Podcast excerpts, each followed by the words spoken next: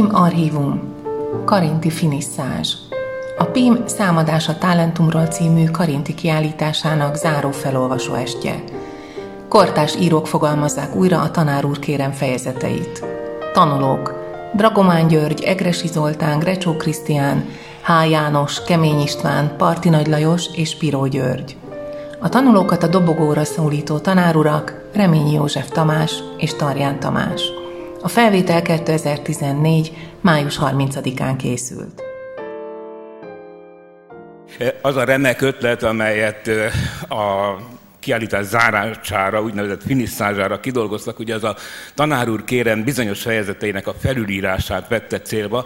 Ez azért gyönyörű irodalomtörténés szemmel, és mi ott odahaza a menhelyen két korsó sör mellett azért töprenghettünk el irodalomtörténészként, de halvány fogalmunk sincs róla, hogy mi az, hogy tanár úr kérem.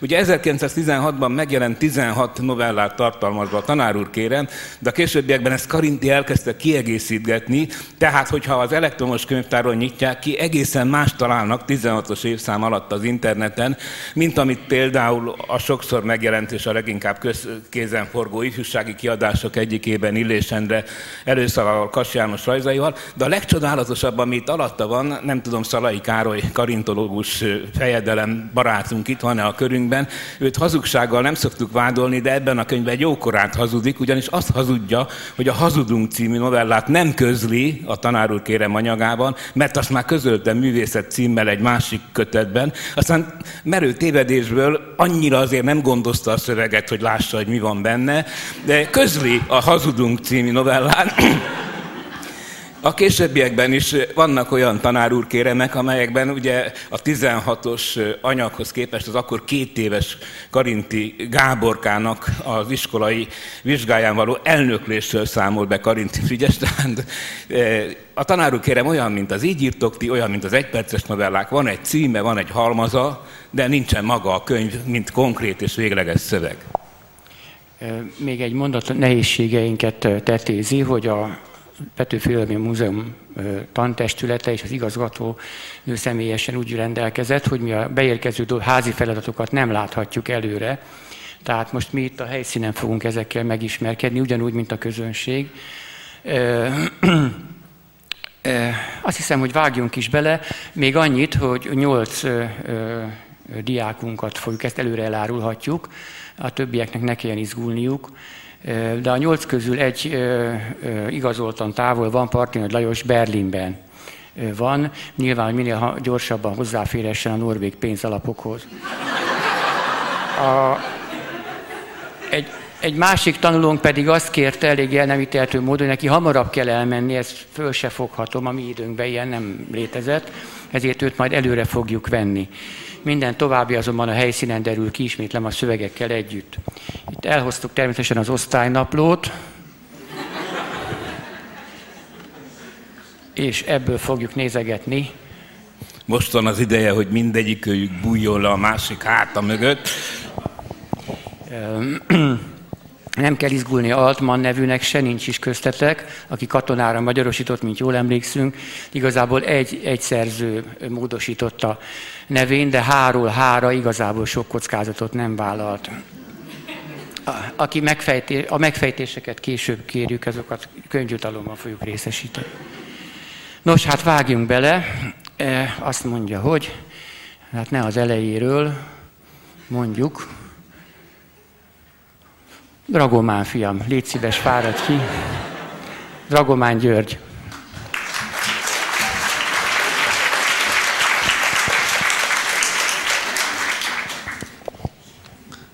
Hazudok. Kezdetben volt a bokárugás, meg a segberugás, meg a hasbarugás, meg a nagy verekedés, a birkózással a poros focipályák közepén, a szétszakított iskoláskabát, felhorzsolt térd, a vérző orr. Nem, nem is kezdetben, hanem öt és fél perce. Most egyedül ülök, mint betondarabon, hátul az iskolaudvaron, és az iskolás kabátom ujját próbálom egy drót darabbal helyre fércelni, mikor odajön hozzám Arturka, és azt mondja, hogy ne keseredjek el, mert Misi sokkal jobban meg is verhetett volna. Eldobom a drót darabot, és felvilágosítom Arturkát, hogy ő rosszul látta a történteket. Nem az történt, hogy Misi engem a földre tepert, és a hasamon ülve ütötte a fejemet, hanem az, hogy én, nagyon nagy önuralmat és példás önfegyelmet tanúsítva, megkegyelmeztem Misinek, mert ha akartam volna, akkor egyetlen mozdulattal kitéphettem volna neki a szívét a melkasából, pont úgy, ahogy az asztékok csinálták, csak éppen nekem nem kellett volna ahhoz, még obszidián késse egyáltalán. Az ujjaimat mozgatva meg is mutatom Arturkának, hogy dobogott volna a kezemben Misi eleven szíve. A tenyerben van még pár fót az orrom véréből, elég vagány. Látom, hogy Arturka azt akarja mondani, hogy nem hiszi, de még mielőtt erre sor keríthetne, megkérem, ezt nem mondja el senkinek, mert ez borzasztó nagy titok. Már meg is bántam, hogy be- beszéltem neki erről a titkos tudásról. Arra kérem, hogy felejtse is el. Arturka azt mondja, hogy szeretne többet tudni erről a titokról. Szomorúan megrázom a fejem, és úgy mondom, hogy sajnos megesküdtem nagyapámnak, hogy senkinek se beszélek se a titkos tudásról, se arról a japán judo kódexről, amiből ezt nekem megtanította. Arturka azt mondja, hogy az ő unokabátyja válogatott birkozó, és ő is tud neki egy pár fogást. Azt mondom Arturkának, hogy elhiszem, elhiszem, de az én nagyapám a cselek egész garmadáját tanította meg nekem. Van egy föld alatti edzőterme, ott szokott gyakorolni a szeretetett medvéivel, mert olyan erős, hogy a medvéken kívül mindenki másban kárt tenne. Egyedül csak azok tudnak rendesen partnerei lenni neki. Várom, hogy Arturka kérdezem amit a medvékről, legalább mondjuk azt, hogy hányan vannak, vagy mivel etetjük őket, de Arturka semmit sem mond. Akkor azt mondom, hogy nagyapámnak van egy titkos könyve, ez a judo kódex. Abban vannak leírva, meg lerajzolva a cselek, csupa halálos ütés, meg ilyesmi. Arturka azt mondja, hogy hozzam el a könyvet, meg akarja nézni. Mondom, hogy elhoznám szívesen, nem lehet, mert nagyapám mindig magánál hordja, éjjel az van a feje alatt, amikor úgy alszik. De nagyon szép könyv, pergamenlapokból van, és cápabőrbe van bekötve. Nem is lehet puszta kézzel hozzányúlni, mert akkor megvágja az ember kezét. Megint Arturka alá dugom a véres tenyerem, megint nyitogatom egy kicsit az üveimat. Arturka azt mondja, nekik is van egy csomó könyvük. Mondom, hogy az lehet. Az lehet, nekünk is van egy egész könyvtárszobánk, sőt a negyediken az apartmentünk mellett nincsenek is rendes lakók, hanem össze van nyitva a miénkkel a többi lakás, és csak könyvek vannak benne, könyvek meg játékok. De olyan könyvünk, mint a nagyapámé, olyan sajnos még nekünk sincs egy sem, mert ezt a könyvet nagyapám magától a japán császártól kapta. Még a világháború előtt azért, mert egyszer megmentette az életét. Artuka kérdezi, hogy az hogy történhetett. Elmondom neki, hogy úgy, hogy a nagymamám híresen szép asszony volt. Annyira, hogy a török szőnyegálnus, aki a szőnyegekkel házalt itt, még a háború előtt, az rögtön beleszeretett, a ajtót nyitott neki. És se szó, se beszéd, elkávította egy kábító pacsúgyiba mártott zsebkendővel, és becsavart egy szőnyegbe, és elvitte magával a feleségnek Isztambulba. De nagyapám utána utazott, hogy kiszabadítsa. Elmesélem, hogy mászott fel nagyapám éjszaka egy nagyon nagy viharkerülés közepén, Isztambul legmagasabb tornyának, a Galata toronynak a tetejére, úgyhogy csapkodtak körülötte a villámok. Mesélem, hogy mennyire csúszott a kő, és egy kicsit rázott is, meg remegett is mindig, mikor egy-egy villám belecsapott a toronyba. A levegő annyira megtelt ózonnal, hogy nagyapám majdnem megfulladt tőle, és mászás közben végig égnek állt a fején a haj. A kezemre nézek, az ujjaim között látom is a síkos ferdek köveket, az oromba ott a sós tengeri levegő, próbálok a fahoz tapadni, belekapaszkodni, belevágni a kövek közé a résbe az körmeimet, aztán a nagyapám csak felért a tetejére, és ott a lőrésen bemászott és megtalálta a nagymamát. De három hatalmas török őrizte, és kivont handzsárokkal rohantak nagyapámra. De nagyapám a vasráccsal védekezett, amit kitépett a falból. Akkor, amikor bemászott a lőrésen. Egyet megölt, és kettőt megsebesített. És aztán felkapta a nagymamámat, és lovától menekültek át fél Isztambulon. Már a szőnyegkereskedő szolgái vég a nyugba voltak. De csak akkor értek, érték, érték utol őket, amikor már a főpályaudvaron voltak, és a nagyapa pont felrakta a nagymamát az Orient Expressre, és ő is felszállt, és pont elindult a vonat, de akkor már késő volt, mert egy török feléjes a korbácsával, és a bokára tekeredett, és úgy rántotta le a robogó vonatról. És akkor nagyapám beverte a fejét egy perecáros taligájának a sarkába, és elájult. Ahogy ezt mondom, látom, hogy szerteszét repülnek a perecek, és a perecáros lekapja a fejéről a piros fest, és a kopasz alatta, és a homloka közepén van egy vörös anyajegy, és a festet föltézvágja, és két lábbal ugrál rajta, és úgy káromkodik, de ezt minden mesélem el Arturkának, csak annyit mondok, hogy nagyapám akkor börtönbe vetették, és nagyapámat akkor börtönbe vetették, és négy évig kenyerén és vizen tartották, egy pincébe, és hatszor próbált megszökni, míg hetedszerre végre sikerült neki, mert talált az ételbe egy birkalapocka csontot, amit a köveken olyan élesre fent, hogy ki tudta vele kaparni közülük a martert. Sőt, ki tudott ásni egy egész nagy alagutat, ami egyenesen a kikötőbe vezetett. És elmondom, hogy nagyapám szégyen, meg nem szégyen, majdnem sírva fakadt, amikor olyan hosszú idő után először szívta be a szabad levegőt. És amikor ezt mondom, felnézek, és látom, hogy Artuk már nincs is ott.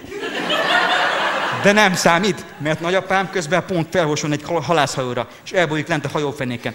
És, én meg tud, és még nem tudja, hogy nagyon szerencsétlenül választott. Mert hiába fogja kívni a kapitány őszinte barátságát és testvéri szeretetét, amikor egyszer egy hatalmas viharban a fogával rántja majd helyre a kormánykereket, úgyhogy utolsó pillanatban kerülnek el egy alatomos korázáton, mert a hajót hamarosan meg fogják támadni a fellázott japán bálnavadászokból lett kalózok, akik égő bálnazsírat teli hordokat lőnek majd át a levegőn nagy katapultokkal. Már látom is, hogy a hordók láng, lángcsóvátkozva súrogva repülnek a sötét víz fölött. Hallom, hogy milyen fősiketítő sercegéssel égnek. Tudom, hogy robbanva fognak darabokra törni a halászhajó fedélzetén, de a nagyapám nem fog megijedni, hanem a foga közé kapja a legnagyobb csonnyelő belezőkést, és fejest ugrik a fekete vízbe, és lebugik mélyen a lángok alá, és úszik, úszik, úszik át egyenesen a kalózhajó felé. Így leszek író.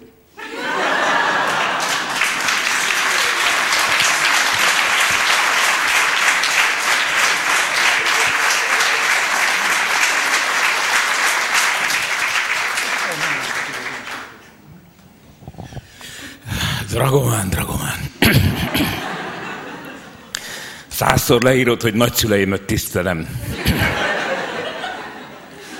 Kedves közönség, nem értesültek róla, nekünk kellett volna elmondani, de mi is csak kb. 15 percet tudtuk meg véletlenül, hogy a, az írásműveknek a tanár úr kérem egyes helyezettei első és utolsó mondatát valamilyen módon tartalmazniuk kell variációban vagy szó szerinti formában. Bizonyára benne volt, de ha nem volt benne, Dragomán György megtehette, hogy nincs benne, hiszen ő a hazudunk fejezetet kapta, azt választhatta. Tamás barátom következetesen hazudunkat mond, ez azért van, mert ketten vagyunk, de a novella címe, tehát hazudok mind a két változatában. De még annyit hadd tegyünk hozzá, hogy ez a, ez a lyukasztás, ez, ez nagyon, nagyon, nagyon szép, szép gesztus, ez nekem is meglepetés, ugyanis osztályozni természetesen nem fogunk, erre jó okunk van, gondoljanak csak arra, ha mondjuk a szerző később nem úgy alakul a pályája, akkor visszajön és visszakéri az iskolapénzt, és akkor vakarhatjuk a fejünket, úgyhogy jobb a békesség, és most szólítanám a következő diákot, igazából nincs is messze talán, vagy messze legyen. Menjünk el az ébetűig? Nem menjünk el az ébetűig. Elmondhatom, mielőtt felszólítod, de talán hagyjuk későbbre, hogy mit üldöztek legjobban a Markóban a tanárok, de hagyjuk későbbre. Hagyjuk későbbre, most viszont szólítom Egresi Zoltánt.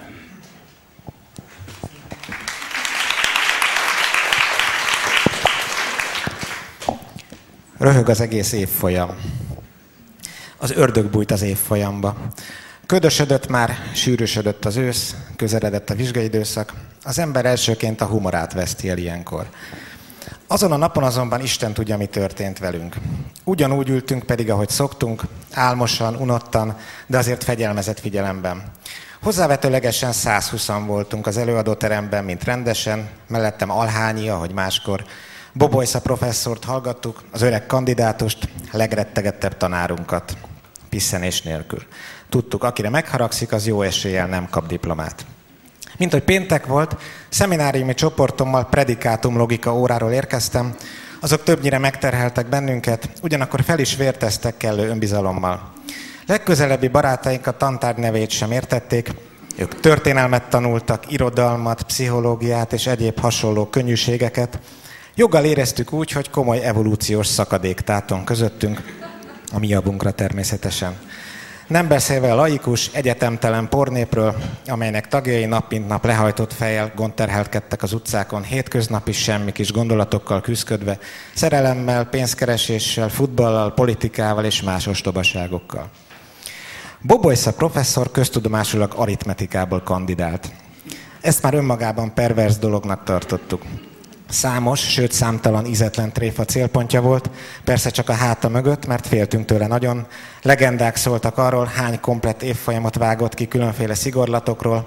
A kudarcot vallók jó részt már a beugró kérdéseken elvéreztek, elégnek bizonyult, ha valaki nem ismerte valamelyik bójai valamelyik hobbiját. Ráadásul a nagyobb zavarkeltés érdekében hol tegezte, hol magázta a vizsgázókat. Elérzékenyülni kizárólag említett példaképeivel kapcsolatban láttuk őt. Nagy tisztelője volt mindkét hírességnek, főként a kevésbé jelentős idősebbnek, igyekezett hasonlítani rá. Ő is kertet ápolt, kenceficéket kevert, erőltette magába a gyümölcsöt minden elképzelhető formában. Egy téli délután az egykori Moszkva téren láttam őt, undorodó, de elszánt arca leszegette az acskójából az aszalt szilvát. Jó napot kívánok, tanár úr, köszöntöttem. Köszönöm, mondta. Az aszalt szilva iránti bolyai rajongás tipikus beugró kérdés volt nála. Ennek a találkozásnak köszönhettem, hogy a következő vizsgán egyáltalán tételt húzhattam. Nem jutottam el mindig idáig. Az előző fél év végén egy szintén pénteki napon délre kellett mennem kollokviumra. A reggel nyolcra érkezett vizsgázók még bent voltak. Egyszer csak kivágodott az ajtó, Boboisza dúlt arccal rontott ki a folyosóra, és azt üvöltette a várakozók irányába. Ha még egyszer ide mer jönni valaki úgy, hogy nem tudja rendesen az irreducibilis faktorizáció euklidészi gyűrűbent, évismétlésre buktatom. Lassan emeltem rá fel a kezemet. Mit akar? Harsogta. Halasztani, mondtam halkan. Én csak halasztani jöttem. Otthon aztán utána néztem az említett érdekességnek. Egyszerű pémszám felbontásról volt szó, amelyről azonban sejtés szinten se tudtam semmit. Én a bolyai hobbikra koncentráltam. Az említett ősön is a szokott módon megbízható elszántsággal közeledett az Erzsébet bál. Évről évre megrendezték, soha nem derült ki miért, hiszen nevezetes Erzsébet nem gazdagította az egyetem történetét, mégis komoly hagyománya volt. Diákok és tanárok egyaránt megjelentek rajta, felejthetetlen szerelmek szövődtek minden évben. Valamivel jobban vártuk, mint a vizsgákat. Erre azonban azon a péntekén, ezen azon a pénteken nem gondolt senki. Egy darabig. Alhány indította el a lavinát. 20 perce bámulta már kitartóan, minden eredmény nélkül fülest, az alacsony, bájos agglomerációs lányt, a régi magyar filmek szerelmesét, aki egyszer azt mesélte nekünk csengő hangján a büfénél, sokáig azt hitte, az emberek régen fekete-fehérek voltak. Már rájött, hogy nem, Viszont ha teheti, időnként még kiáll ázni az utcára, hiszen a nagyapja, aki soha nem hazudott, azt mondta neki kislánykorában, az eső növeszt. Alhányi korábbi közlekedési kis, közeledési kísérletei kínos kudarccal végződtek, ám most kieszelt valamit. Kis cetlire írt fel egy mondatot, amit mások közvetítésével sikeresen eljuttatott a lányhoz. Megbökte az oldalamat, figyeljen, mi történik. Füles önkéntelenül elmosolyodott, aztán óvatosan körülnézett, nem tudván, kitől érkezhetett a papír. Beleharapott az ajkába, és tovább küldte egy srácnak. Alhányi elsápadt. A lány tovább mosolygott, ahogy a fiú is, aki megkapta. Természetesen ő is továbbította valakinek. Ekkor Füles komorodott el. Ez így ment perceken keresztül. Akihez odaért a levél, elnevette magát, a küldő ezt még örömmel konstatálta, az új címzet láttán azonban többnyire lefagyott, aztán kuncogott már ő is a többiekkel, a jókedv lassan, de biztosan szétáradt a teremben, sőt megállíthatatlanul burjánzott, egyelőre valamelyest még lefolytva, ám érezhető volt, ez nem tartható az idők végezetéig. Előbb-utóbb ki fog robbanni. Hozzám is megérkezett a papír. Ha szívesen szeretkezne velem, kérem mosolya jelezze ezt. Ez állt rajta. Azonnal tovább küldtem Apáti Annának, ő volt a titkos szerelmem. Neki is lett címzetje, sajnos nem gondolkodott sokat azon, kit válaszom. Tíz percen belül időlt, időlt vigyorral fészkelődött az egész év folyam. A közelgő szigorlat, a kinti köd, minden rossz semmivé vált. Tartottuk magunkat, amennyire tudtuk, de Bobolysző egy idő után gyanút fogott. Mint egy véletlenül végig az arcát magyarázás közben, finoman ellenőrizti, nem ragadt rá morzsa, nem folyik-e a taknya és vagy a nyála. Rákérdezni azonban nem mert, viszont jó érzékkel témát váltott. Este színházban voltam a feleségemmel. Alig láttam az előadást az előttem ülő aurájától. Volt, akiből ekkor majdnem kibudjant a végzetes nevetés, de ez valahogy még kevés volt. Szerencsére Bobolysze rátett egy lapáttal. Benyúlt a táskájába, kivett és bekapott egy aszalt szilvát, majd ezt mondta. Tudják, a jelenlegi feleségemet Katalinnak hívják, vele megyek majd a bálba. Végül is kaphattam volna három jegyet, nem gondoljátok? Az előző nejem Erzsébet volt. Erre már kitört a röhögés. És Boboly még tetézte és az eddigieket, krémet vett elő, ártatlan arccal a kezét kezdte kenegetni. Folyt a könnye mindenkinek, szinte szétrobbant az előadóterem. Az öreg kandidátus csodálkozva nézett, aztán elnéző mosolygott. Magában nyilván megállapította, milyen frappáns és ellenállhatatlan humora van neki.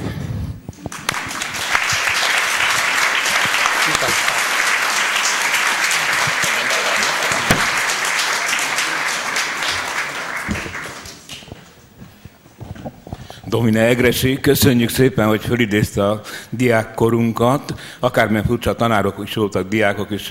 Eszembe jut például, többeknek eszébe jutott a terembe ülő közül az a tanárunk, aki tulajdonképpen 10-11 perc alatt 140 embert osztályozott, lányok ötös, fiúk négyes.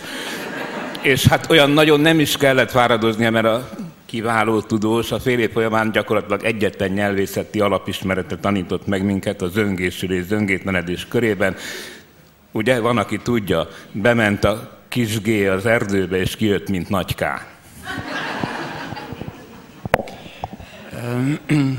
A vizsgadruk Karinti örök témája volt. Ha bárhol elkezdik az életművet lapozgatni, mindig előkerül van egy nagyon kedves krokia, a vizsgáztam, vagy levizsgázom az első világháborúból címmel. Ez is egy találkozás egy fiatal emberrel, csak ezúttal egy 2015-ös találkozás, 2015-re datálja, amikor ő a hasonlásával egy leendő fiatal emberrel találkozik, aki retteg attól, hogy bemenjen vizsgázni. Karinti pedig úgy gondolja, hogy ő ugye kortárs volt, tehát neki ez semmibe se kerül, ő elmegy helyette. Természetesen semmilyen kérdés nem tudja a választ, ami nagyon, nagyon bölcs gondolata az írásnak, hiszen a kortársak a legkevésbé sem értesülnek a fontos dolgokról, vagy éppen máshova néznek, vagy eltitkolják előlük. Úgyhogy gyakorlatilag elhassal. Egyetlen kérdés marad a végére mentségnek, hogy akkor legalább mondja meg a diák, hogy ki volt a kor, annak a kornak a legnevesebb humoristája és akkor persze ugye felderül szerzőnk, mondja a nevet, amire végképp kirúgják, mert ezt a nevet senki nem hallotta soha. Ez is, itt is a szorongásnak és a persze az öntudatnak egy furcsa kever, kevercse, ami Karintira mindig jellemző volt. Mindenesetre 2015 az mindjárt itt van, ha a mennyei riporter majd lenéz az égből, elégedetten láthatja, hogy korán sincs így, mint amitől rettegett. Ugye elhangzott, hogy Parti Nagy Lajos nincs közöttünk. Külföldön van azért, mert dr. Hoffman Rozsnyó küldött neki egy hamis meghívót, azzal, hogy jobb, hogyha minél messzebb van ettől a kiállítás zárástól.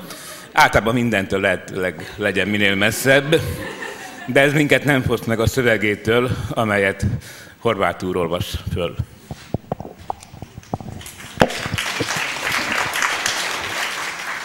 Parti Nagy Lajos, kísérletezem.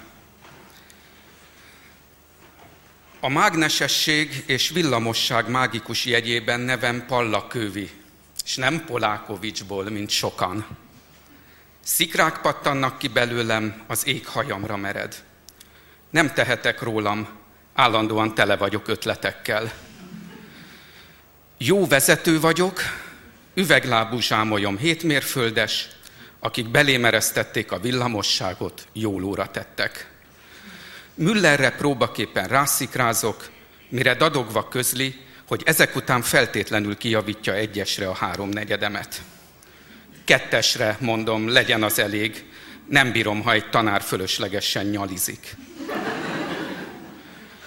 Kettesre, valamint kapok egy oklevelet, hogy ezután nem lehetek rossz tanuló hanem ellenben egészen kivételes zseni, amilyent egy században egyet szül csak a korszellem, és azért egy nagy beszédem kíséretében rögtön ki kell adni nekem az érettségi bizonyítványt és ezer korona ösztöndíjat. Valamint a tanúsítványt, hogy az idők végezetéig nálam van az osztálykönyv, tudnélik én vezetem. Aki nem megy át a villamos áram, nem részesülhet szabad esésben, ezt minden első és főleg másodosztályú vasreszelék leírja százszor holnapra.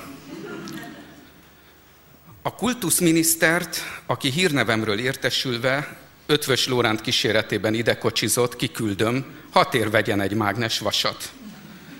Ámulatos dolgokat tud a mágnes vas, de nem vagyok megelégedve az eredménnyel, noha látom világra szóló. A hatodik padot elsővé nevezem át, és létrehozom abban az első mágnesvas Albert Einstein kutatóintézetet. Lelkesen elvégzem magamban, hogy sohasem járok úgy, hogy nem követnek delejezettjeim. Két egyenlő részre osztom, és átvezetem maga között az osztályt. Nem könnyű, bár jönni jönnek, még tülekednek is a kis reszik, hanem vigyáznom kell, hogy lángoszlop üzemmódban se gyulladjon meg a nadrágom.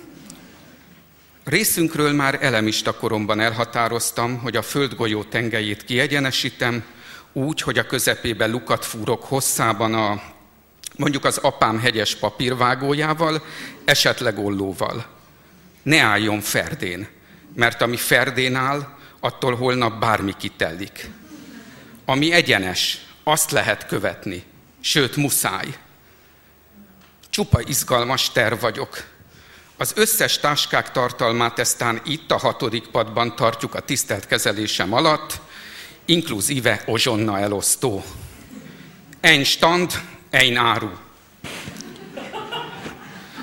Mindkét szomszédos osztálynak hadat üzenek Neugebauerrel, Steinmann kinevezem a közfali újsági tanács elnökének, ki ezután egyedül nekem felel. Az iskolai versenysportban bevezetem a heronlabdát és a magdeburgi bowlingot. A Toricelli féle űrt visszamenőleg is kitöltöm. A 70 cm magas higanyoszlop fenntartásáról nagy erőkkel gondoskodom. Híveimnek fordított vizes pohárból is kell inni tudniuk. Ha kellően gyorsak és ügyesek, lesz, ami nem folyik ki. A szomi halál a gyávák menedéke. Egyeseknek eleinte az volt a nézete, hogy engem már elsőben fel kellett volna pofozni. Ezeket minden pénteken kiállítom az osztály elé, és nyilvánosan megbocsátok nekik. Sikereim nem veszik el az önbizalmamat.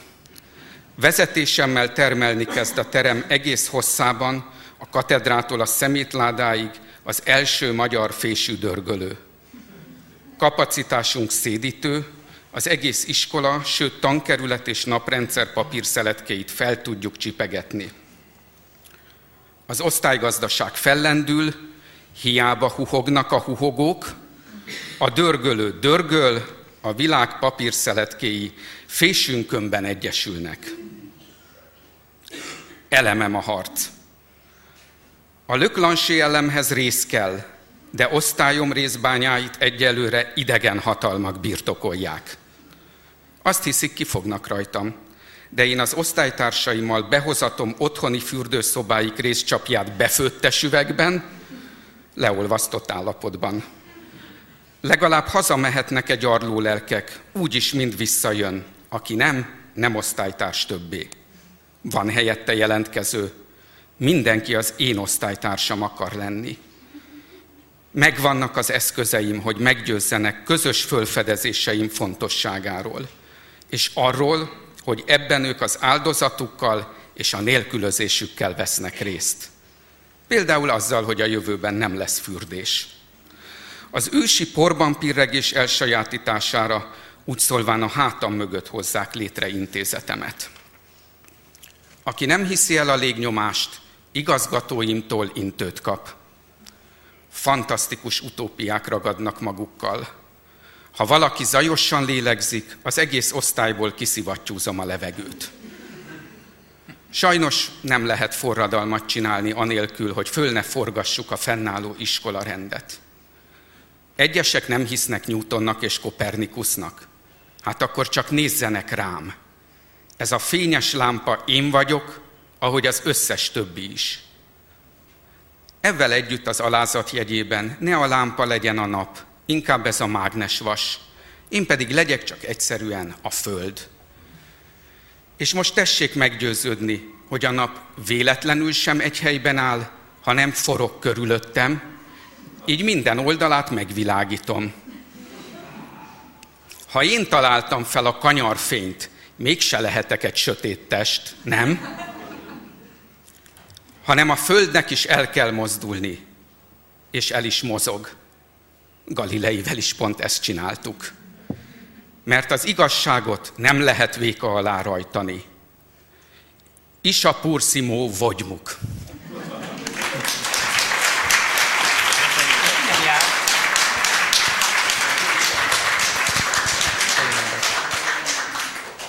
Köszönjük Horváth Csabának közvetítés közben a költő, mint kép szobánk falán volt látható.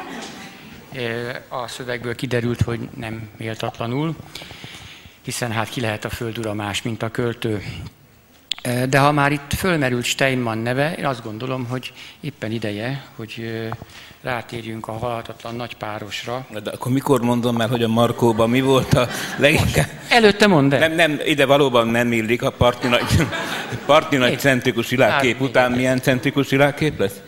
Most Grecsó Krisztián centrikus világkép lesz. Grecsó Krisztián, kedves barátom, fáradj ki. Tegeszeg a növendék. Fáradjon ki, bocsánat. E,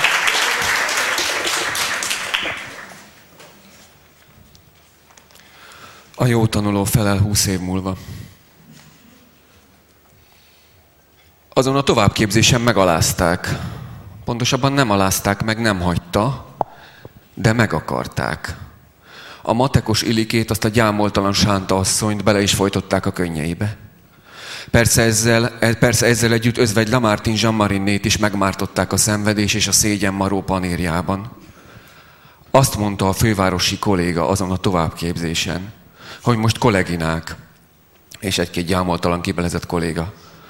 Arra lennék kíváncsi, közben úgy nézett körbe, mintha a teremben mindenkit ő bérmált volna, hogyan világosítják fel, hogyan világosítják fel maguk a diákságot, játsszák most el nekem, itt nyelt, pontosan itt, vagyis csönd lett, bajjóslató, kihívó csönd. Szóval világosítsák fel őket szexuálisan. Özvegy Lamartin Jean-Pierre-né sohasem vállal osztályfőnökséget. Ő csak és kizárólag földrajztanár a gimnáziumban. Rettegett és kíméletlen, okos és egyedi. Városszerte megbecsült asszony tartását és eleganciáját nem csak a korán elvesztett francia férjének köszönheti, de önmagának is. Ezt a tartást még maga Horti Miklós is megcsodálná, ha élne és ha eljönne vidékre. Özvegy Lamartin Jean-Pierre-nét, vagy ahogy a diákság becézte Zsöpit, nem lehetett arra kérni, hogy a tanári kar előtt, melynek egyértelmű megtiszteltetés az ő jelenléte, beszéljen, hogy szerepeljen. Arra meg végképp nem, hogy azt a szót ciklus a szájára vegye. Olyan csönd lett a tanáriban, mint egy zsömlében belül, sötét, forró, áporodott csönd, a rettegés beszökött az ablakon, özvegy Lamartin jean arra gondolt szólnia kéne, hogy ő aztán sehogyan sem beszél Porzóról meg Bibéről, és neki ez nem feladata, mert ő a tipográfia avatott papnője, de valahogy nem volt olyan a helyzet. A fővárosi hóhér járatta a szemét. A kollégák többsége elsüllyedt, elolvadt és feloldódott, a tanári szoba parkettjét, ennyi, parkettáját, parkettáját ennyi szempár még nem akarta fölcsiszolni. Márton tanár úr igyekezett a matekos Ilike mögé bújni, ő nincs, nem létezik, törölték az élők sorából, soha nem is volt itt tanár. Özvegy Martin Jean-Pierre inkább szugerálta a kockázzakós idegent, neki itt nincs dolga, gondolta, nincs szégyelni valója, neki ehhez az egészhez semmi köze. Ez valami tévedés lehet, rossz álom, ilyen valóság nincs is. Idáig jutott fejben Zsöpi, amikor a hóhér rápillantott, és azt mondta, esetleg ön? Rémült és megkönnyebbült sóhajtás, derült, derű és felháborodás, értetlenség és döbbenet suhant végig a termen, mint a tavaszi szél. Kezdhetni esetleg a fiúknak szánt mondandóval. Özvegy Lamartin Jean-Pierre lassan felállt. Méltósággal, mint egy grófnő kitelepítés előtt. Megismételte a szót, recsegtetve, mint aki mindjárt el is töri. Fiúk. Ne is, inkább a lányok, mondta a fővárosi bohóc lányok, mondta Zsöpi olyan mély dörgéssel, hogy a pincében megregett a műanyag csontvás sípcsontja. Özvegy Lamartin Jean-Pierre feláll, kihúzta magát, megemelte a széket, visszatette a helyére, a pedánsan eredezett asztalához. Megegazította a világatlaszt, mert nem állt párhuzamosan, körbenézett, ez a körbenézés azt mutatta, hogy rá ez a világ, ez a parancs, ez a kérés nem vonatkozik, ilyen valóság nincs, mert ő e fölött áll. Aztán visszament. Megállt a kérdező biztos előtt, egészen is zavaróan közel, megállt az idegen férfi előtt, és felemelte a mutató ujját. Nem mondott semmit. Csak a figyelmeztető új Ácsi. A férfi várt, aztán elnevette magát. Ugyan, kollégina, mondta megkönnyebbülten, hozza csak vissza azt a széket, természetesen nem kell a spermát a szájára vennie. Özleny Lamartin Jean-Pierre undorodva lépett el tőle. Ezt csak azért csináltam, mondta a férfi, az állítólagos továbbképzési szakértő, hogy kicsit emlékezzenek rá. Milyen stresszel jár a felelés? Özvegy Lamartin Jean-Pierre nem ment vissza a székéért. A fogashoz lépett, leakasztotta a kabátját, csak a karjára hajtotta, és megállt az ajtó előtt. Megválta, amíg a pesti férfi feléje fordul. Bak. Maga bakot lőtt, mondta. Óriásit. Én egy Steyman vagyok. Nem is. Én vagyok a Steyman. Nőben, érti? A nő is. Én sose féltem feleléskor. Tőlem félt a tudás. A fővárosi férfi széttárta a karját, ugyan kérem, kedves kollega, ne vegye így a szívére. De hogy veszem, sziszegte özvegy Lamartin jean és bevágta maga mögött az ajtót. Ez nagyjából húsz éve történt, még a tanári pályája derekán. Azóta, húsz éve, minden órán feleltet. Az első hibánál egyest ad, és amíg nem remeg minden szája rémülettől, lapozgatja hosszan a naplót. Köszönöm.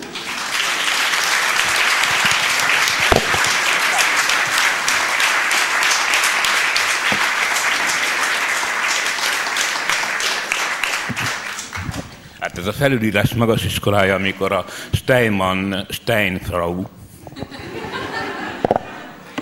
Én bevallom, meghatottan hallgattam Grecsó Krisztián diákunkat, mert ahogy ő mondja, egy egészen korai dolgozatában, térdigérő, térdigérő korában is ö, ö, dolgoztam vele, amikor még verseket írt, és ezért én nagyon nagy szeretettel őrzöm emlékezetemben. Minél több prózát ír, annál több, annál nagyobb szeretettel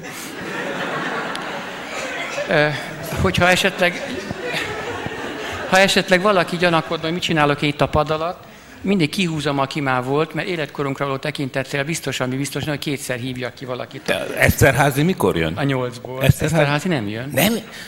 Hát csak mondta, hogy ez egy kiváló ötlet, majd nem jött, úgyhogy... Értem. Na ezt szerettem volna, hogyha megtudják. De hát azért ő, Eszterházi az jön, az jön. És különben a hatodik B-be jár, itt valami tévedés volt. Ő hatodik ás, tagozatos. Ha hát a jó tanuló meg volt, akkor nem jöhet más, csak a rossz tanuló. Úgyhogy akkor Spiro. Szólítom Spiro Györgyöt.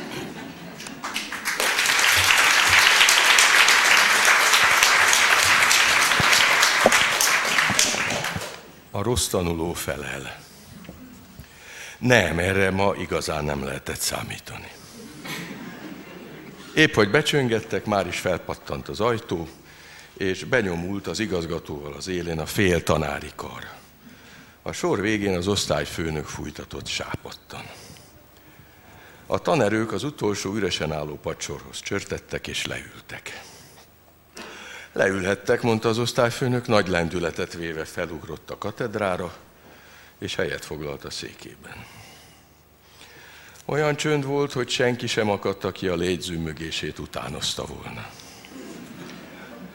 Az osztályfőnök hosszasan forgatta az osztálykönyv lapjait, jekesedő csönd. Na nézzük, mondta az osztályfőnök, ki is áll bukásra.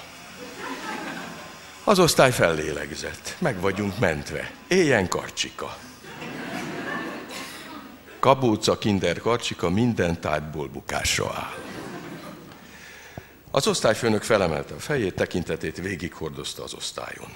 Izgalomtól rekedten mondta ki, Kabóca Kinder Károly. Karcsika felállt, körülnézett, nem értette, mit akarnak tőle.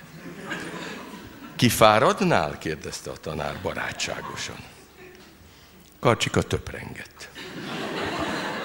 Őt nem szokták feleltetni csak fél évente egyszer. Eltelt volna fél év.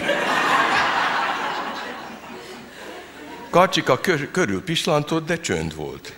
Senki sem sukta meg, milyen óra is van egyáltalán.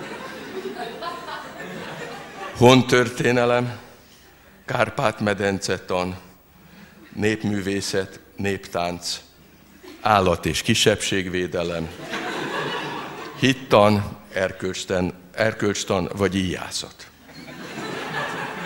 A többi óra nem érdekes, az egyszer egyhez a gimnáziumban már nem tanítanak hozzá semmi újat. A fizikát, a kémiát és a nyelvtant összevonva heti egy órában tanítják. Házi feladat nincs, feleltetés nincs, idegen nyelvet pedig nem kötelező felvenni, Kézi munkával vagy tekerőlanttal ki lehet váltani. Nos, érdeklődött az osztályfőnök szorongva. Karcsika tétován megindult a katedra felé. A katedra hosszú, bűnös évtizedeken át nem volt rendszeresítve. Míg nem az utolsó tanügyi reform alkalmával az általános tekintélyev megerősítése céljából visszahozták. A katedra magassága, szélessége és mélysége 10 mm-re megvan adva, és kizárólag kőrisfából készülhet. Hogy kibírja a következő vérzivataros, vérzivataros évszázadokat. A pótlásul szolgáló fenyőkatedrák használatát maximum másfél évre engedélyezték, ugyanaz a cég gyártja, mint a Kőris katedrát. A Fenyő katedra ára a Kőris katedra árának 30%-ában van maximál. A katedra magasságát úgy határozták meg, hogy a tanár is alig tudjon rá fellépni. A jeleshez egyetlen lendülettel, kecsesen kell a katedrára fellebbenni, páros lábbal nem szabad sem fel, sem leugrani, a páros lábat alkalmazók, valamint a fel- vagy lelépés közben elbukók az illető tantárgyból hármasnál jobb jegyet nem kaphatnak. A lépcső használatot csak a mozgásképtelen gyerekek számára engedélyezték. A lépcsőt sörös ládákból a katedra gyártó cég szereli össze. A lépcső szálkamentesítését az osztályfőnök minden hó tizedikéig köteles elvégezni, amit szakfelügyelő ellenőriz. Ugyanezt a céget bízták meg a táblák gyártásával is. A tábla csak kék lehet, mégpedig kétféle. Slate Blue és Indigo. A színskálán a számuk numero 6A5ACD, illetve numero 4B0082, csak és kizárólag fehér krétával szabad írni rá, a három engedélyezett szín neve. Corn Silk, Honeydew és Ivory. Színskála számuk pedig numero FFF8DC, numero F0FF0, illetve FFFFF0. A krétanyomot csak spontjával szabad letörölni, egyéb eszközzel, rongyal vagy kézzel nem a spondját a katedra gyártó cég teríti az iskolákba, a tankönyvekkel együtt. Akit szabálytalanságon érnek, például kézzel maszatol, fegyelmiben részesül. Három fegyelmi kicsapással, tanár esetében felmondással jár. A tanárok egyenruháját a rendelet szerint úgy kell megtervezni és kivitelezni, hogy ingük, blúzuk semmiképpen se csúszhasson ki a katedráról való felugrás közben. Az egyházi iskolák jogosultak a tanári és diák csuha önálló meghatározására. A katedra központilag szabályozott magasságától az egyházi iskolák plusz-minusz 50 százalékig eltérhetnek. Karcsika imbolyogva lépdelt a katedra felé, megállt, jobbra fordult, megint megállt, felnézett a tanára és mélyeket lélegzett. Az osztály, valamint a hátsó falnál a fél tanári kar visszafolytotta a lélegzetét. Most, most, most. Karcsika rugózó mozdulatsorba kezdett, a két karjával párhuzamos előre-hátra mozgást végzett, és páros lábbal felugrott a katedrára. Az osztály és a fél tanári kar felhördült. Karcsika mozdulata szabálytalan volt, de eredményes.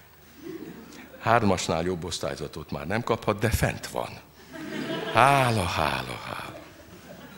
Az osztályfőnök is fellélegzett, hátradőlt a székén. Készültél, Karcsika? érdeklődött szívélyesen. Készültem, tanár úr, felelte Karcsika. Hát akkor mit is kérdezzek, mit is kérdezzek, humorizált az osztályfőnök, és végignézett az osztályon. Az osztály nevetett. A fél tanári kar nevetett. Kacsika nem nevetett, megfeszült nyakkal, előredőlve várta a kérdést. Az igazgató úr és a tanár urak kedvéért szólalt meg az osztályfőnök. Elmondanád, mivel foglalkozik az édesapád? Karcsikát a kérdés váratlanul érte. Elvörösödött, gondolkodóba esett, hallgatott. Csönd volt. Valamivel, mondta az osztályfőnök segítőkészen, csak kiérdemelte azokat a magas állami kitüntetéseket. Igen, igen, motyogta Karcsika. Csönd. Hány kitüntetése is van a papádnak? érdeklődött az osztályfőnök. Kacsika gondolkozott. Húsz, harminc. Kacsika bizonytalanul bólintott. Remek, mondta az osztályfőnök. Nagy szolgálatokat tett a papád a nemzetnek, igaz? Igaz, hebegte Kacsika. Csönd volt. Most jön a kérdést. Most, most. Az osztályfőnök arca egyszerre felderült. Ma jó kedvemben találtál, jelentette ki. Megkapod a négyest. Megfelel? Csönd. Kacsika tűnődött. Az osztály és a fél tanári kar visszafolytotta a lélegzetét. Meg, mondta Kacsika. Kitört a spontán tapsvihar. Rikkantások, lábdübörgés. Kacsika piros füllel, páros lábbal ugrott le a katedráról. Nem lett volna szabad, de az általános boldogságban ezt már senki sem vette észre.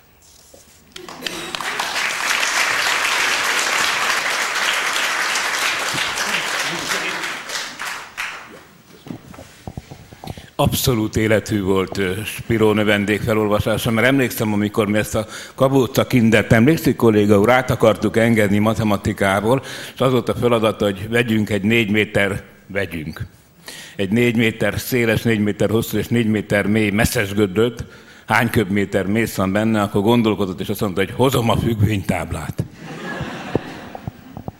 Köszönjük. Spiródiákra nagyon büszkék vagyunk, egészen biztos vagyok benne, hogy ami most utopisztikusnak tűnt az ő dolgozatában, az minden bizonyal megvalósításra fog kerülni.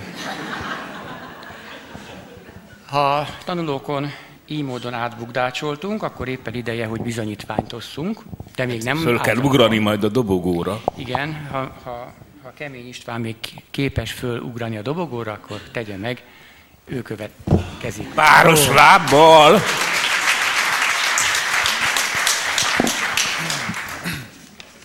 Hát kérem szépen, először is ez csak egy vázlat, egy kísérlet, és ez is csak azért, mert a Csaba felhívott, hogy vállaljam el. Én meg az utóbbi időben már teljesen elszoktam a telefonon való nemet mondástól, mert e-mailben azért mindig van idő venni egy mély lélegzetet, és aztán nagybetűkkel leírni, hogy na ezt már nem. Szóval a Csaba egyszer csak teljesen váratlanul felhívott, hogy ki kéne már javítani Karinti Frigyest. Persze nem egészen így mondta, hanem hogy újra kéne írni. Én meg sajnos nem azt mondtam, hogy az a helyzet, Csaba, hogy nincs humorom, illetve van, de ne tud meg mennyire, vagyis inkább, vagyis inkább jobb, ha megtudod. Szóval képzeld el a Karintit meg a rejtőt, ők futnak az élen, aztán utánuk egy kilométerre az üldözőboly, vagyis az összes többi humoros író, majd újabb kilométerre jövök én egyedül, és a legvégén teljesen leszakadva lieg az összes humortalan író, vagyis első körben talán a rejtő Jenővel javítasd ki Karinti Frigyes kedves Csaba nevelem.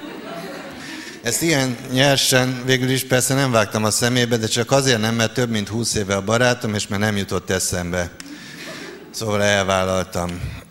Amúgy meg valami félreértés történhetett, hogy pont ezt a bizonyítvány magyarázást sózta rám, és nem például a lóóka szerent.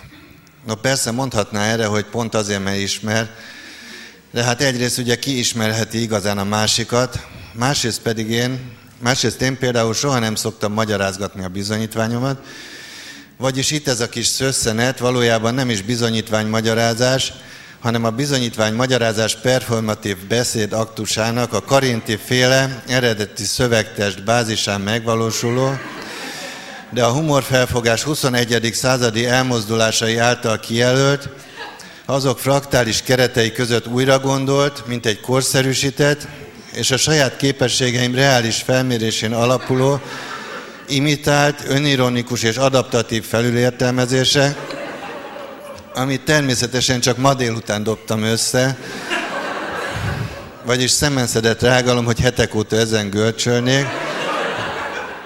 Szóval a Csaba tényleg valamit tévedés áldozata lett, vagy rossz akaróim hálójába került, amikor arra a hamis és nevetséges következtetésre jutott, hogy nekem testhez álló feladat lenne a bizonyítványomat magyarázni, mindezek fényében a leghatározottabban kijelentem, hogy mindenki menjen a fenébe.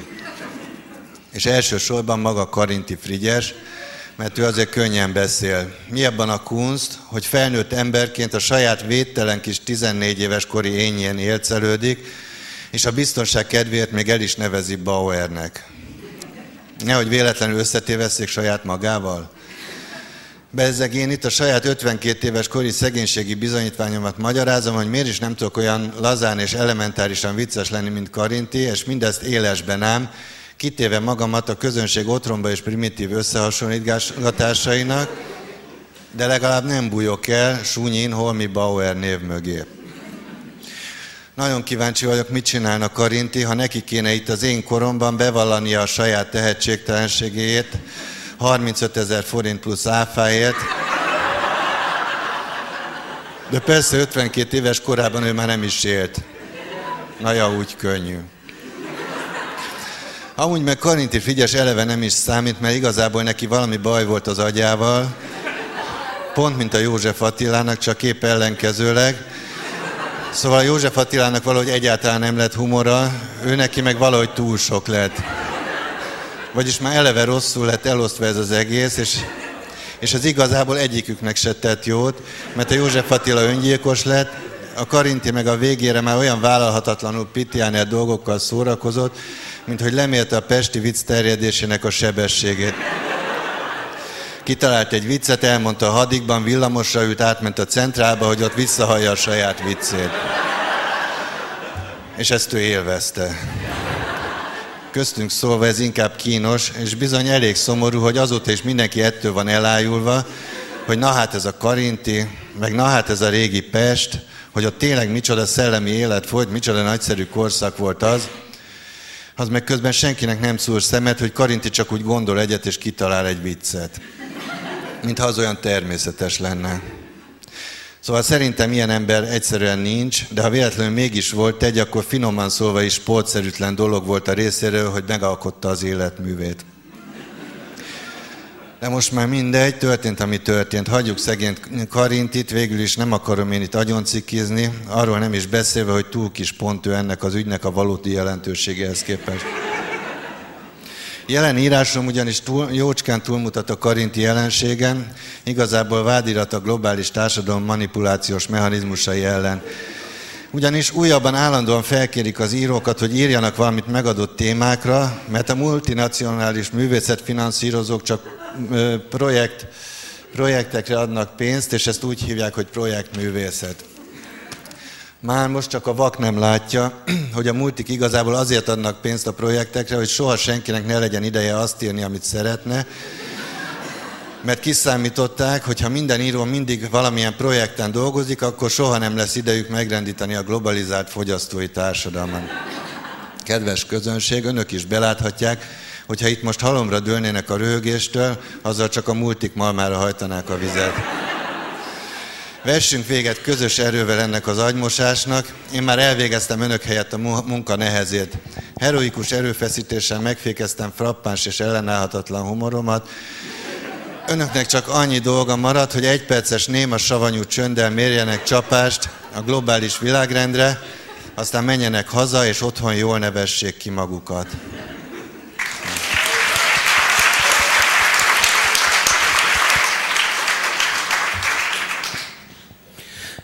Eszterházi Péter, aki távollétével tisztel meg minket, ő írja egy helyütt, hogy a szocializmus korszakában minden nő szép.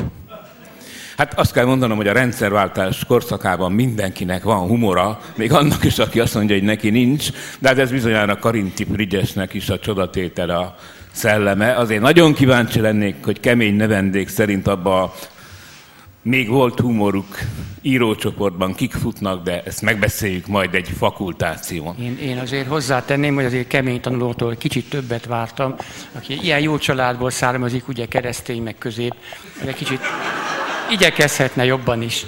De azért ez, ez, ez szép volt, voltak nagyon szép részletek, igen. Hát most hát csak elmondom én, hogy mi volt a Markóban. Mert gondolom, hogy a következő és egyben utolsó szemelvény után Ida Csaba és mások vezetésével megkezdődik a karinti kiállítás szisztematikus szétrombolása, vagy szétlopkodása. Nem tudom, hogy terveztétek a finiszást. Én tudom, hogy én mit akarok elvinni majd a kiállításról, de remélem mindenki kinézte magának azt az elemet, amivel teljes tabula rázát sikerül csinálni majd a következő kiállítás számára gördülékenyen előkészítve a terepet, amelyet most Lomhán elfoglal egy bezárandó karinti kiállítás. Komolyra fordítva a szót, komolyra és rövidre, Nagyapám Svikker Bruno nevű tanárnak a nevéhez kapcsolta, aki azután megfertőzte ezzel a gondolatával, vagy rögeszméjével, túlérzékenységével a többieket, Frölihet, és akik éppen akkor ott tanítottak. Ilyen síri csendeket követeltek meg az osztályban, és akkor a tanár megszólalt, ugye leginkább Sikker, ki az a disznó, aki satíroz?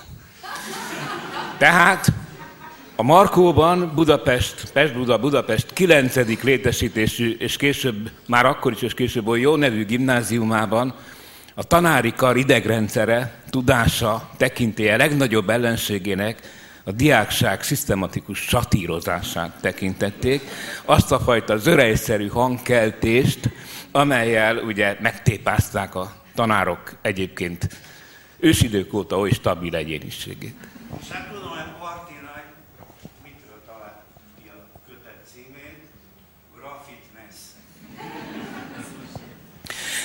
Továbbadjuk neki, ha hazajön. Lehet, hogy ott marad Berlinbe, de ha hazajön, akkor... Mindezek a hallottak folyamányaképpen nem is jöhet más, mint egy bukott férfi, H. János.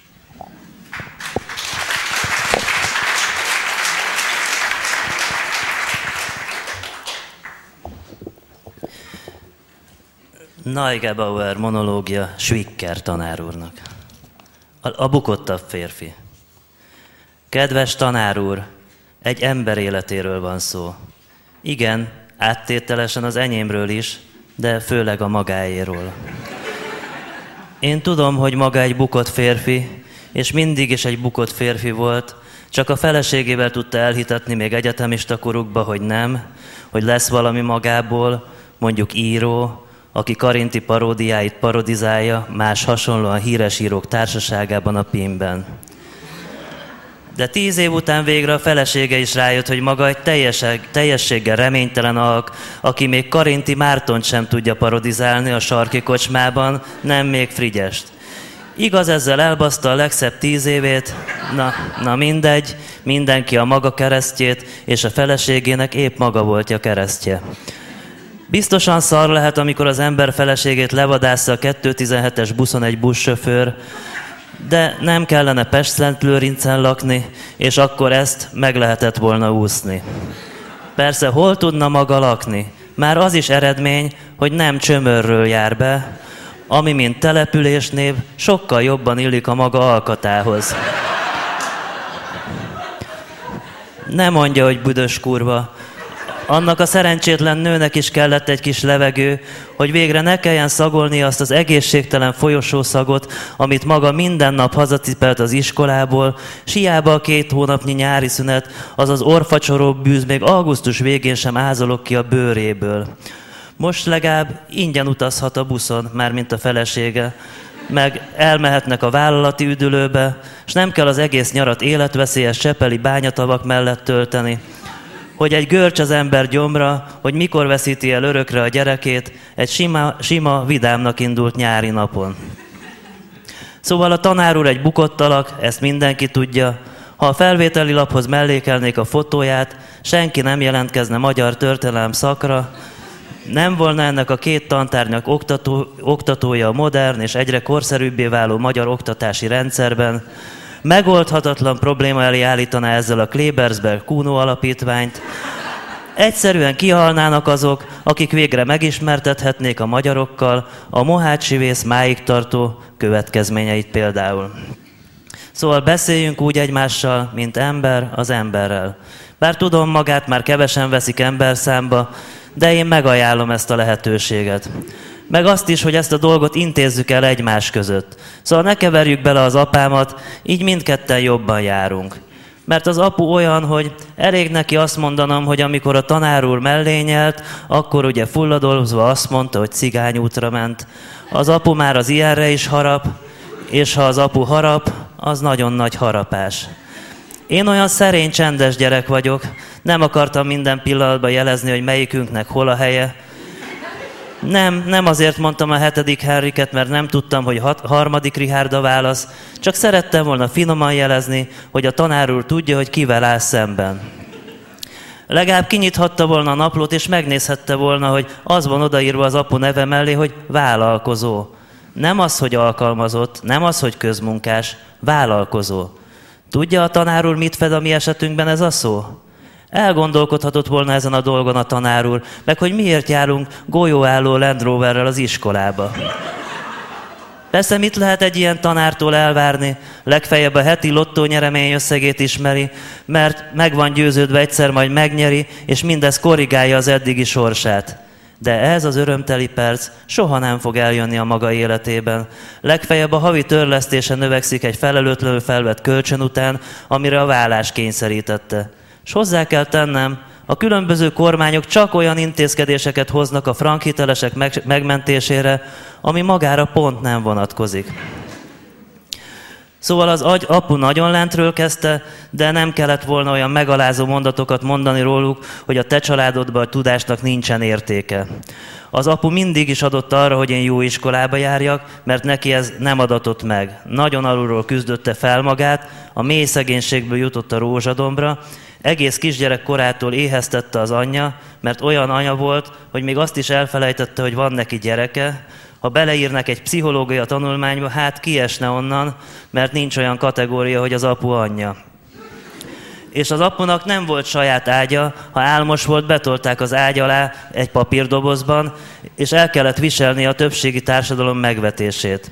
Szóval az apunak nagyon szomorú gyerekkora volt, ezért irritálja, ha valaki bántja a gyerekeit, legfőképpen engem, akit a vállalkozás örökösének tekint. Az apunak minden azt jelezte, hogy neki ott kell tönkre mennie egy rohadt Miskolc melletti településen. Még csak nem is Miskolcon, ami szintén elég súlyos hely, még Patakit Attilának is el kellett hagynia. Még ő sem tudott beilleszkedni, pedig az ő koponyája tényleg olyan, mint egy betonelem. Lát, látszólag beilleszthető az avasi lakótelep tömbjei közé. Az apunak csak az volt a szerencséje, hogy olyan jó szervezőkészsége volt, hogy meg tudta szervezni a belvárosi üzletek védelmét, és ezért a belvárosi üzlettulajdonosok számára is hasznos munkáért elég szép pénzhez jutott. Mert ugye ki merné a vagyonát a rendőrségre bízni? Hát senki. Ott olyan a korrupció, hogy képesek a rendőrök egész üzleteket eladni a kínai maffiának nyomottáron, veszélyeztetve ezzel a belvárosi üzletek nemzeti jellegét. Hát hogy néz neki egy kínai, aki matyóbabát árul? Erre, erre még gondolni is vérfagyasztó. Az apu különben egyenes ember, kínál valamit, és ha azt megveszik, akkor azt ő meg is adja. Ha valaki nem igényli ezt a kínálatot, megvannak a módszerei, hogy az igényt érzetét felkeltse. Szóval intézzük el egymás között tanárul, vegyük úgy, hogy összekeverte a neveket, hogy véletlenül a Bauer Tomika jegyét írta be hozzám. Nem kell azzal jönni, hogy ő minden, mindenből ötös, épp ezért nem árt neki egy bukás. Hogy egy kicsit megtapasztalja, mennyi megaláztatást kell átélni azoknak, akik rossz jegyet kapnak. Hogy milyen nehéz kettes bizonyítványjal, darabokra tört önérzettel elindítani az életet. Nem, tanár úr, ne jöjjön ezzel a szakmai tisztességgel. Az hol van már? Hát milyen szakma az, amit éhbérrel, éhbérrel lehet tartani, és hetente növelni lehet épp ezért az éhbérért a munkaórák számát? Nem, tanár úr. Itt szakmai becsületről szó nincs. Itt arról van szó, hogy a tanár úr a társadalmi megaláztatásait akarja leverni a diákokon. Maga tanította, hogy van ilyen, hogy osztályöntudat, és ez a maga osztályának az öntudata. Hogy bosszút állni a gyerekeken. Főleg azokon, akiknek a szülei esetleg szerényebb tanulmány előélettel is többre vitték, mint a tanár úr. Amúgy csak most a szakmáról jut eszembe, miért kellett azt mondani, hogy akik itt élnek a Kárpát medencébe, azok nem a, nem a honfoglaláskor jöttek be? Hogy itt már genetikai, se, genetikailag senki nem magyar. Miért kell az embert már, az a, a már amúgy is megtépázott nemzeti önérzetét így megkérdőjelezni? Azért, mert engem Neugebauernek hívnak. Azt gondolja a tanár úr, hogy az etel közben nem volt szükség egy igazi Neugebauerre? Na, kikárosították a lószerszámot a vereckei hágó előtt, hogy az ős magyarok nehogy leessenek a lovak hátáról, és ott maradjanak Ukrajnába, hogy végül lovak foglalják el a Kárpát-medencét. És hogy a honfoglalás tulajdonképpen lófoglalásként kerüljön be a történelemkönyvekbe, ráadásul Cyril betűkkel. Szóval én nem akarok ezzel előhozakodni, de a tanár úr nemzeti szempontból megkérdőjelezhető. Ne, nem, ne jöjjön azzal, hogy a nemzet napszámosa, mert az ilyen mondat, kedves Svikker tanár úr, az ön szájából teljességgel hiteltelen. Micsoda küldetés, tudod, hogy képtelen volt az egész életében egy, egy nem jól, de legalább kielégítő jövedelmező álláshoz hozzájutni? Azt ne nevezzük küldetéstudatnak, meg isteni elrendelésnek. A maga sorsa olyan, hogy az Isten már a születésekor lemondott magáról, ahogy meglátta az égből, hogy lett. Már akkor. Aztán később az apja is, utána az anyja, végül a felesége is, ja meg a gyerekek, akik még egy buszsofőrtől is több öntudatot kapnak, mint magától. Mert azért csak többre tartja magát az, aki körül nem krétapor felhő van, hanem egy ekkora kék jármű, mint egy busz, annak ellenére, hogy a BKV állapota, és ennek következtében a buszok állapota is meglehetősen kétségbejtő.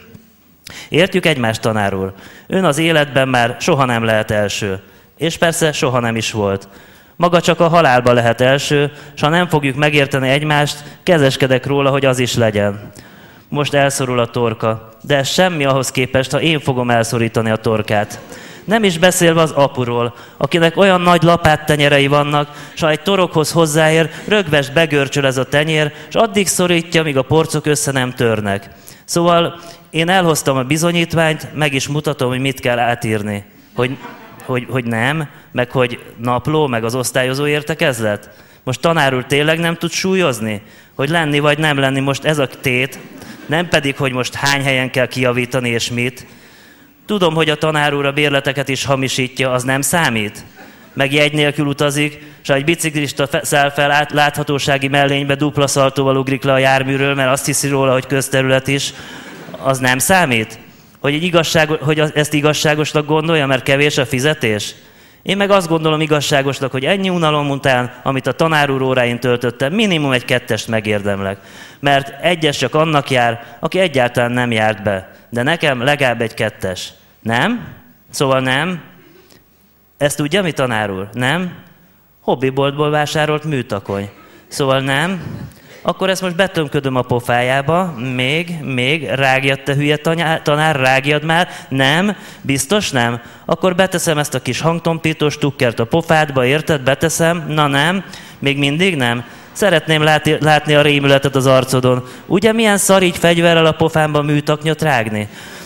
Amúgy szerencséd van, hogy ezt egymás között intézzük el, mert ha az apu intézi, nem ilyen hosszú az életed. Mióta is beszélek veled? De te olyan hülye vagy svikkel, hogy semmit nem értesz. Most meghúzom a ravaszt. Nem, még rágjál egy kicsit. Emlékszel vazúra? Na, azt is csinálhattam volna, hogy forróolom. Ahhoz képest a műtakony meg a golyó általi halál maga a felüldülés. Érted, Svikker? Na, húzzam, vagy javítasz?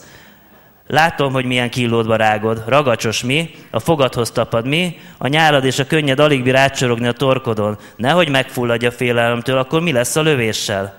Annyira szánalmas alak vagy. Egyszerűen nincs kedve meghúzni a ravaszt. Nem akarok kibaszni a takarítónőkkel, hogy a plafonról vakarják le a műtakonnyal keveredett agyfoszlányokat.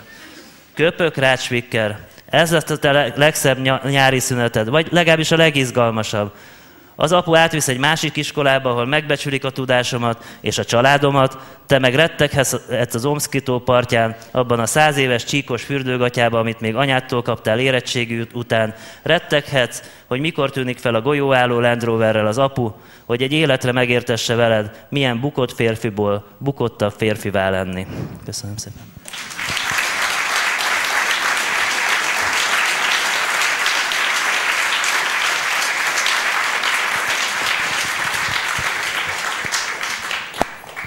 Én most mindestre óvatosan az osztálykönyvet behajtom, ezek után jobb a békesség. A, a halló dolgozatok közhangulata nyomán eszembe jut Karinti, amikor egy fiatal író megkérdezi tőle, hogy Mester, van nekem tehetségem, folytathatom, folytassam. Van tehetsége, igenis van tehetsége, úgyhogy sürgősen hagyja abban, most nem időszerű. Tisztelt közönség, azt gondolom, hogy az itt szövegeket felolvasó írók mindegyike megérdemli az önképzőköri jegyzőkönyvi dicséretet, és a körünkben helyet foglalt magyar irodalom egésze jobban teljesített, mint Karinti Frigyes. Úgyhogy kár becsukni a kiállítást. Én azzal a javaslattal élek, a magunk részére mostantól befogva a szánkat, és átadva nektek a szót és a cselekvést, hogy hagyjuk nyitva. Hát ha minden évben lehetne egy ilyen eh, felülíró novella pályázatot, eszé, kroki pályázatot hirdetni, akkor azért megéri nyitva tartani a karinti kiállítást.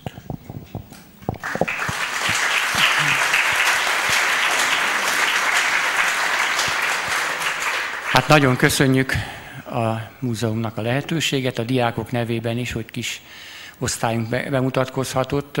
Nem lehet mást mondani, bármilyen közhelyesen hangzik is, hogy úgy zárunk, hogy egyúttal nyitottunk.